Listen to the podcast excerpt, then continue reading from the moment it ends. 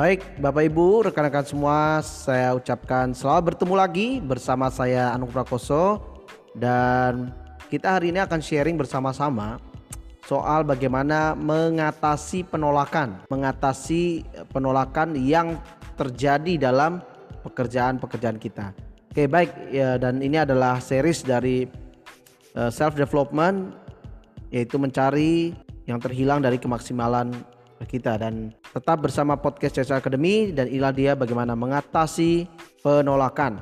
Oke, baik. Rekan-rekan semua, eh, Bapak Ibu, semua yang mendengarkan podcast dari saya hari ini, kita menghadapi faktor kenyataan dalam hidup ini, dalam pekerjaan kita, ketika kita memulai hari, kita pasti akan mengalami dua hal yang pasti absolut kita akan alami yaitu apa? Yang pertama berhasil, yang kedua gagal.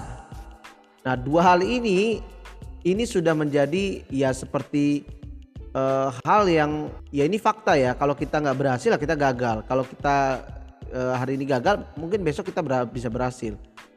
Nah, dua kemungkinan ini pasti akan selalu tersedia setiap harinya. Sehingga banyak orang perlu membuat sebuah persiapan untuk menghadapi keberhasilan maupun untuk menghadapi namanya gagal.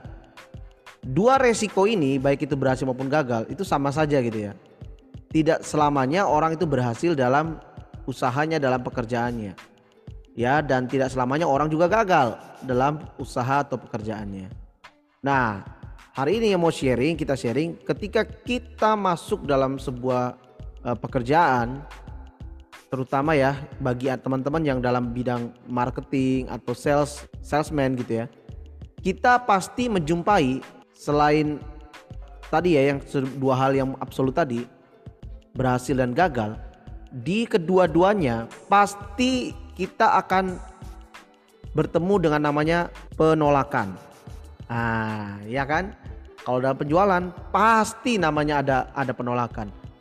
Mungkin dari sekian banyak 100 misalkan orang yang kita tawarkan mungkin yang menolak 80 20 eh, yang menerima mungkin terjadi seperti itu jadi kan hukum Pareto seperti itu ya keberhasilan itu ada 20 tetapi impactnya bisa menjadi 80% dari pencapaian kita ataupun sebaliknya ya kita bisa menciptakan peluang sebanyak 80% ya tapi yang berhasil adalah 20%. Nah, itu hukum Pareto kurang lebih seperti itu bunyinya. Nah, sering kita mengalami penolakan dalam penjualan, dalam bidang salesman, dalam bidang marketing gitu ya. Karena apa? Karena ya wajar gitu ya.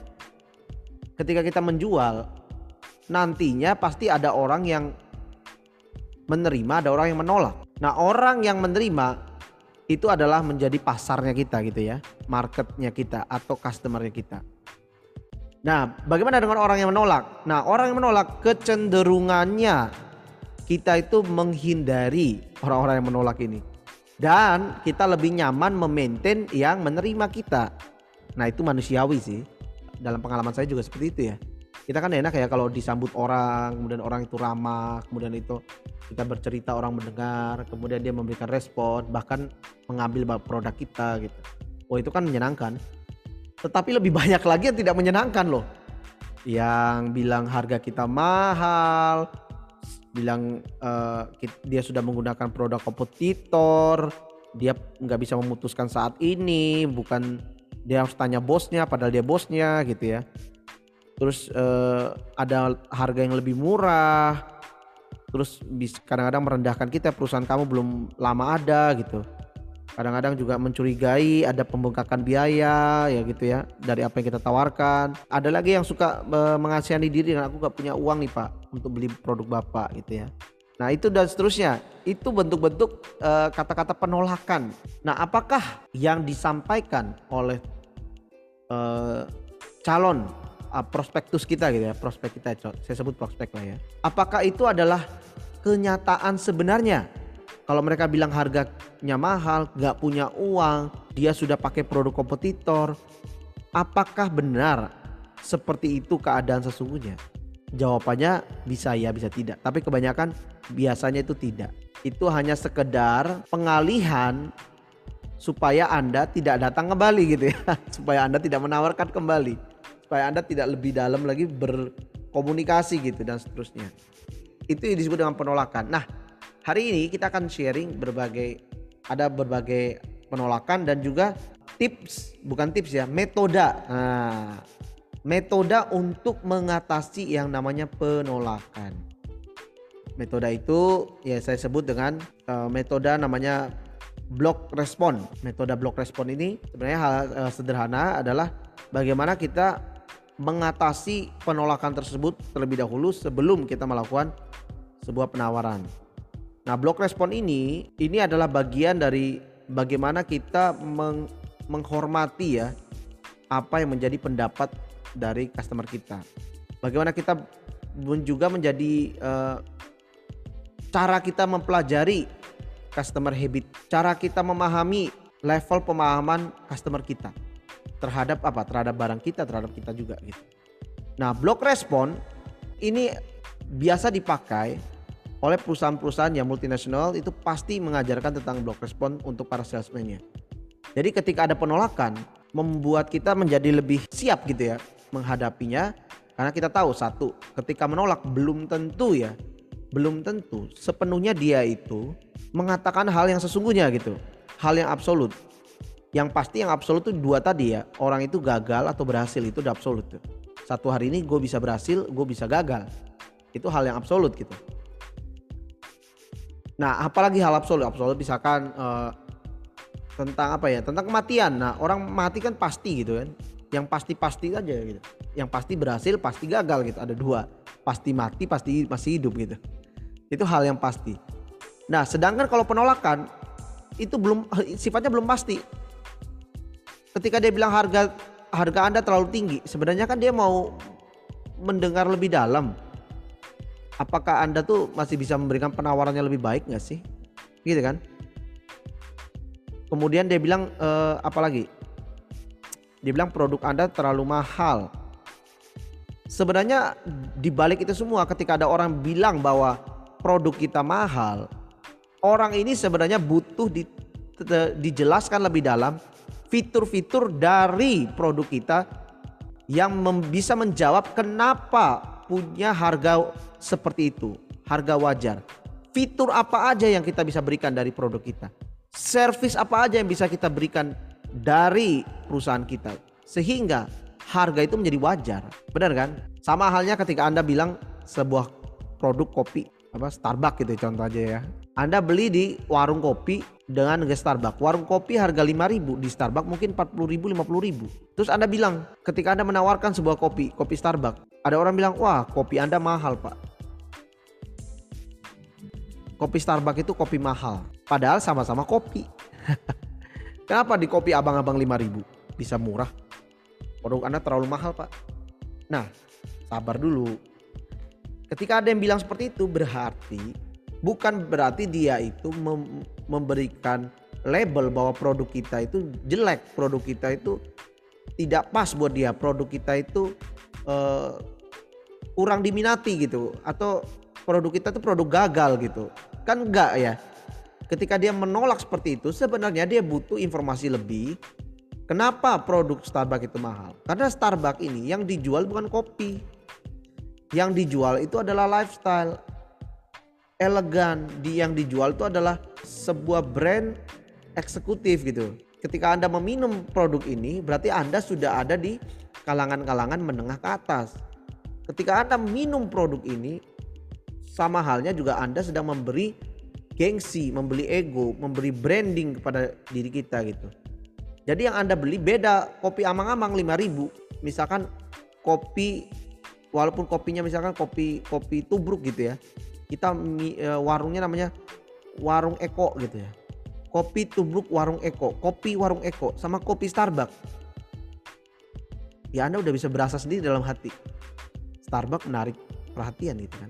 Orang yang minum Starbucks menjadi lebih percaya diri daripada minum warung Pak Eko. Seperti itu contohnya. Oke, kita langsung deh coba contoh. Ketika eh, bagaimana membuat namanya metode block respon untuk menangani penolakan. Misalkan pembeli menolak seperti ini, harga Anda terlalu tinggi. Nah, bagaimana membuat blok responnya? Blok responnya ya banyak orang mengatakan bahwa harga kami lebih tinggi daripada pesaing kami. Lihat, ini metode block respon seperti itu. Jadi ketika Anda ingin melakukan block respon, kita harus menghargai setiap pendapat dari pembeli, dari customer kita, dari prospektus kita. Wah ini harganya ketinggian loh pak, ini harganya tinggi banget. Kalau saya bandingin sama harga sebelah ya, aduh itu jauh loh pak. Memang harga kami, beberapa orang bilang harga kami itu tinggi dengan blok respon seperti ini, kita tidak sedang melakukan judging terhadap atau kita sedang merendahkan pendapatnya dia. Kita tetap menerima pendapatnya. Ketika kita memberikan respon ini, kita menghormati apa yang menjadi pendapat dia. Ini kan pendapat, belum kebenaran. Ini baru pendapat dia ya kan. Ini bukan kebenaran. Jadi ketika orang bilang produk Anda harganya mahal, oh itu pendapat. Jadi blok responnya ya berapa orang dari klien kami memang mengatakan bahwa harga kami lebih tinggi dari pesaing kita. Oh. Nah, habis dari situ baru kita melakukan suatu penawaran penjualan. Kita terangin spek-speknya seperti apa. Kemudian kita masuk-masuk ke dalam uh, bagaimana negosiasi sama closingnya nanti seperti apa. Tetapi di dalam uh, sesi ini saya ingin hanya ingin memberikan namanya metode block respon. Melakukan sebuah respon yang baik sehingga Anda tuh punya satu brand image yang baik di depan uh, pelanggan di mata pelanggan di mata pembeli Anda dan nantinya ke, ke berikutnya step-step berikutnya yang kita tawarkan tuh dapat diterima dapat dibeli kemudian bisa dapat bahkan dia menjadi orang yang menawarkan lagi kepada orang lain. Jadi yang pertama kalau ada bilang harga Anda terlalu tinggi bagaimana blok responnya? Memang benar beberapa klien kami beberapa uh, customer kami, berapa prospek kami mengatakan harga kami lebih tinggi daripada ya kita sorry ya kita jangan bilang harga anda mahal. Terus kita ikut ikutan bilang ya memang harga kami mahal. Enggak.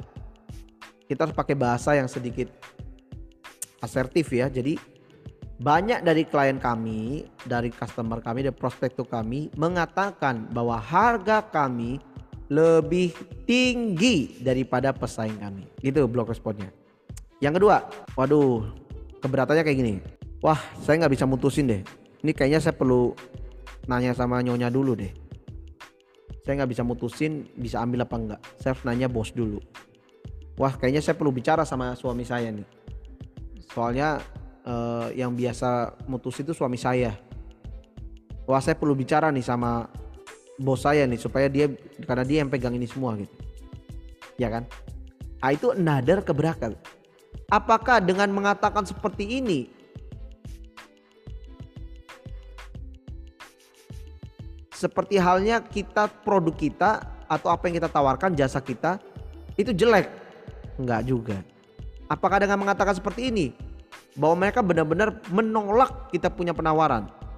Belum tentu. Nah, kenapa? Karena biasanya ketika kita bertemu dengan orang yang baru, hal ini pasti sering kita jumpai. Mereka menolak tapi menolak secara halus. Kalau tadi kan menolaknya jelas, harga kemahalan. Kalau ini menolaknya secara halus. Oke, ya thank you penawarannya. Nanti saya tanya dulu ya ke istri saya. Saya tanya dulu ya ke suami saya. Saya tanya dulu ya ke bos saya. Gitu. Nah, bagaimana blok respon yang baik? Blok respon yang positif, blok respon yang menjual itu seperti apa? Oke, blok responnya adalah kita harus membenarkan dulu apa yang menurut pendapat dia. Membenarkan itu dalam arti kita menghormati apa yang menjadi pendapat dia. Ya, kita menghargai dengan tinggi pendapat customer kita. Caranya gimana blok responnya? Memang membuat keputusan membuat keputusan sendiri dapat menjadi menakutkan. Apalagi ketika mempertimbangkan produk baru ya Bu, produk baru ya Pak. Nah, setuju ya Bu ya? Setuju Pak. Jadi blok responnya tadi apa? Mem memang benar membuat keputusan sendiri itu dapat menjadi menakutkan. Ketika mempertimbangkan ada produk baru atau jasa baru yang kami tawarkan. Benar ya Bu? Setuju ya Bu? Setuju ya Pak? Nah itu blok respon yang membuat orang itu nyaman gitu ya. Jadi ketika orang melontarkan sebuah penolakan. Nah Anda jangan serta-merta langsung menjadi ciut gitu nyalinya. Jangan serta-merta men, me, me, menjustifikasi produk kita. Jangan serta-merta me, me, merasa bahwa produk kita tuh jelek gitu. Layanan kita tuh kayaknya nggak masuk gitu loh. Apalagi Anda nggak mm, seorang salesman yang belum punya kepercayaan diri yang maksimal gitu ya. Yang produk percaya diri yang produktif lah. Kan banyak ya orang percaya diri nggak produktif. Ada bagian apa dari mental ya. Mental Anda tuh belum teruji gitu. Makanya ketika ada penolakan seperti ini, Anda langsung bilang, "Oh ya Bu, nanti kita kontak lagi ya Bu ya kalau Ibu memang udah siap." "Oh ya Bu, terima kasih atas waktunya. Nanti kita kontak lagi ya Bu." Ya itu Anda udah kalah gitu loh dalam berperang. Jadi baru di, di, ditolak sekali. Makanya harus sering-sering ditolak supaya punya pengalaman. Tapi jangan biarkan penolakan itu membranding kita. Ya seolah-olah kayak kita di uh, jelek produk kita jelek layanan kita tawarkan jelek gak bermanfaat gitu ya dan seterusnya. Tadi blog responnya kalau bilang apa saya tanya dulu istri saya tanya dulu dan seterusnya ya. Ternyata ya itu sebenarnya ketika orang berbicara seperti itu mereka sedang melakukan namanya analisa probing menggali lebih dalam. Jadi kenapa bikin ini mahal dan seterusnya ya. Kenapa? Uh, jadi kita nggak buat keputusan dulu gitu. Lihat-lihat dulu. Ya sesudah lihat-lihat dulu baru diputuskan untuk membeli. Oke itu dia blok respon. Uh, blok respon ini hanya pada tahap kita memberikan respon yang positif. Nah kita akan lanjut nanti di sesi podcast berikutnya. Bagaimana melakukan negosiasi kemudian bagaimana melakukan closing dan seterusnya kemudian apalagi ketika keberatan yang sering kita temui misalkan gini. Ada satu lagi keberatan. Oh kami sudah pakai pak produk dari pesaing bapak tuh. Kita sudah pakai mereknya A. Nah blok responnya gimana? Ya kita bisa bilang ya anda mungkin sudah menggunakan produk dari A pak. Dari itu kompetitor kami yang mirip dengan kita. Tapi ada beberapa hal yang mungkin bisa membantu Bapak untuk lebih produktif lagi, bisa membantu Bapak supaya lebih uh, nyaman lagi, bisa membantu Bapak supaya lebih cepat lagi kerjanya dan seterusnya. Jadi kita meng meng mengiyakan apa pendapat dia gitu. Kami sudah menggunakan produk lain Pak. Ini produk yang kami gunakan gitu. Ya benar Pak. Uh, Bapak mungkin sudah menggunakan produk lain ya dari dari uh, prinsipal atau dari merek lain yang mirip dengan kami. Nah tapi uh, produk kami juga menawarkan beberapa hal yang berbeda yang bisa membuat Bapak kerja lebih cepat, membuat Bapak bisa kerja lebih produktif, lebih aman, lebih sehat dan seterusnya. Jadi kita mengamini dulu, kita mengiyakan dulu apa yang menjadi pendapatnya. Jangan ketika ada ketika dia bilang kami sudah menggunakan produk pesaing, pesaing produk dari produk Anda gitu. Anda bilang, "Wah, iya Pak, produk kami ini yang the best loh, Pak." Produk itu pasti produknya apa, Pak? Oh ya, Bapak paham ini enggak?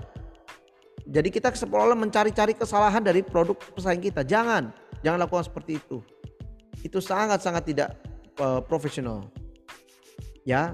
Jadi ketika ada orang menolak, dia berdalih sudah menggunakan produk lainnya, kita jangan menyerang produk itu ya. Oh produk itu tuh discontinue pak, itu udah nggak ada lagi di Indonesia. Bapak kalau beli mobil merek itu pak, udah nggak ada lagi spare partnya. Bapak mungkin ada di kota doang, kalau di daerah nggak ada spare partnya. Kalau bapak beli mobil ini pak, adanya di kota doang, di kota-kota gede. Kalau di desa, kalau lebaran mau bawa mau pulang, nggak ada lagi spare partnya kalau ada apa-apa pak, dan seterusnya gitu ya. Jadi kita berusaha menjelek-jelekan produk lain, itu sangat tidak profesional. Kenapa? Karena dengan begitu, maka customer ini melihat bahwa Anda orang yang mudah ya, uh, seorang tipe-tipe penjilat gitu ya. Tipe-tipe bukan tipe penjilat ya. Mungkin anda tuh lebih tipe-tipe yang uh, suka menjelek-jelekan gitu loh. Bayangkan ya mungkin ketika bertemu dengan uh, saya oh dia kelihatan baik-baik oh, ngomongnya baik-baik ya. Tapi di belakang saya dia bisa bisa saja berkata seperti ini mungkin nanti dia pergi ke toko sebelah dia bisa ngata-ngatain saya nih bisa jelek-jelekin saya supaya bisa masuk ke toko sebelah gitu ya nah tipe-tipe seperti ini biasanya juga uh, dihindari ya sama klien ya selama customer. Tapi kalau orang yang dengan lapang dada datang, ketika ditolak, saya udah pakai produk lain lah, produk pesaing gitu. Oh ya, mungkin anda sudah menggunakan produk uh, produk dari pesaing kami ya pak ya, yang sama dengan kami. Nah kami produk kami itu punya beberapa keunggulan lain yang bisa membuat Bapak kerja lebih cepat, membuat Kakak lebih aman, eh, lebih safe, membuat Kakak lebih uh, produktif dan seterusnya. Nah, itu kan terasa lebih enak ya jika Anda uh, bisa membuat namanya block respon yang baik dan yang positif. Yang terakhir ya, ada seorang pembeli yang keberatannya menyampaikan keberatan seperti ini. Oh, saya bisa loh dapat produk kayak Bapak ini. Saya bisa dapat produk Bapak lebih murah di online. Ya kan? Oh, ini di online lebih murah nih. Nah, itu pendapat dia. Sekali lagi, ini pendapat uh, dari pembeli. Kita harus menghargai pendapat apa pun itu dari pembeli kita, dari calon prospektus kita, dari customer kita. Nah, cara responnya gimana? Oke, Pak, mungkin di tempat lain atau di online uh, produk kami, produk sejenis dengan kami mungkin lebih murah. Mungkin harganya juga uh, ya jauh daripada harga ini mungkin. Nah, tetapi yang sulit ditemukan adalah kualitas dan dukungan penjualannya Pak yang kami tawarkan. Ya Bapak mungkin benar Pak. Di online tuh harganya lebih murah. Tapi yang kami saya tawarkan ini adalah kesesuaian yaitu kualitas produknya dan dukungan penjualan lain Pak. Seperti uh, service, seperti ada hotline, seperti Bapak bisa komplain 24 jam kami akan segera merespon dan seterusnya gitu. Tanpa menjelek-jelekan yang ada di online ataupun yang ada tempat yang yang dia sudah ambil ya lebih murah katanya. Karena pada dasarnya tidak semua tempat itu menjual produknya murah semuanya. Tidak pernah dalam perda dalam dunia dah, perdagangan ya penjualan. Memang ada barang murah ya mungkin seasonal kali. Bulan ini dia lagi lebih murah daripada sebelahnya. Ya kayak di toko retail aja gitu ya satu lebih murah satu lebih mahal. Besok dia le dia lebih mahal satu lebih murah. Dan seterusnya gitu. Jadi nggak pernah ada semua produknya itu murah. Kalau semua produk murah maka dipastikan nah ini hati-hati nih ya. Produk-produk murah murah tuh belum tentu kualitasnya baik. Murah belum tentu disupport sama service center yang uh, tepat yang benar gitu ya. Jadi kalau beli murah tapi tidak ada service center, tidak ada pengaduan, tidak ada mungkin barang impor yang udah beli putus, jadi kita nggak bisa komplain gitu ya. Kadang-kadang kita temukan barangnya juga hoax gitu, kulitnya benar tapi dalamnya juga nggak jelas. Nah itu banyak sekali yang kita temuin dalam e-commerce, tapi kita nggak boleh sebutin itu ya. Kita profesional dan berkata memang benar. Ya mungkin Bapak bisa temukan produk sejenis kami ini lebih murah di tempat lain. Nah, tapi akan sulit ditemukan yang ditemukan adalah kualitas dan dukungan penjualan. Ya. Kalau Anda beli di dunia online tingkat kepastiannya lebih rendah daripada Anda bertemu langsung sama salesman-nya atau bertemu langsung sama perusahaannya. Ya. Nah, itu beberapa contoh blok eh, respon ya yang bisa kita tawarkan yang kami bisa sharing ini supaya apa? Supaya kita dalam menghadapi customer kita bisa mempunyai satu respon positif, satu blok respon yang positif, satu blok respon yang produktif supaya kita bisa membangun hubungan yang positif. Walaupun pembeli kita, calon prospektus kita atau customer kita hari itu dia tidak membeli dari kita. Tapi nggak apa-apa anggaplah dia itu menjadi tabungan atau uh, jangka panjang kita, rencana jangka panjang kita terhadap customer itu. Sehingga perlu bagi seorang uh, marketer ya sejati, seorang penjual yang sejati itu perlu memiliki namanya block respon yang positif. Oke, baik.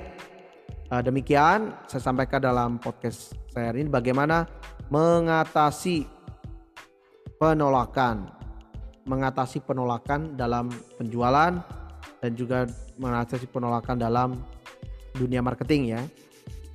Baik, terima kasih. Semoga ini bisa menjadi solusi dan sampai ketemu di podcast-podcast berikutnya. Salam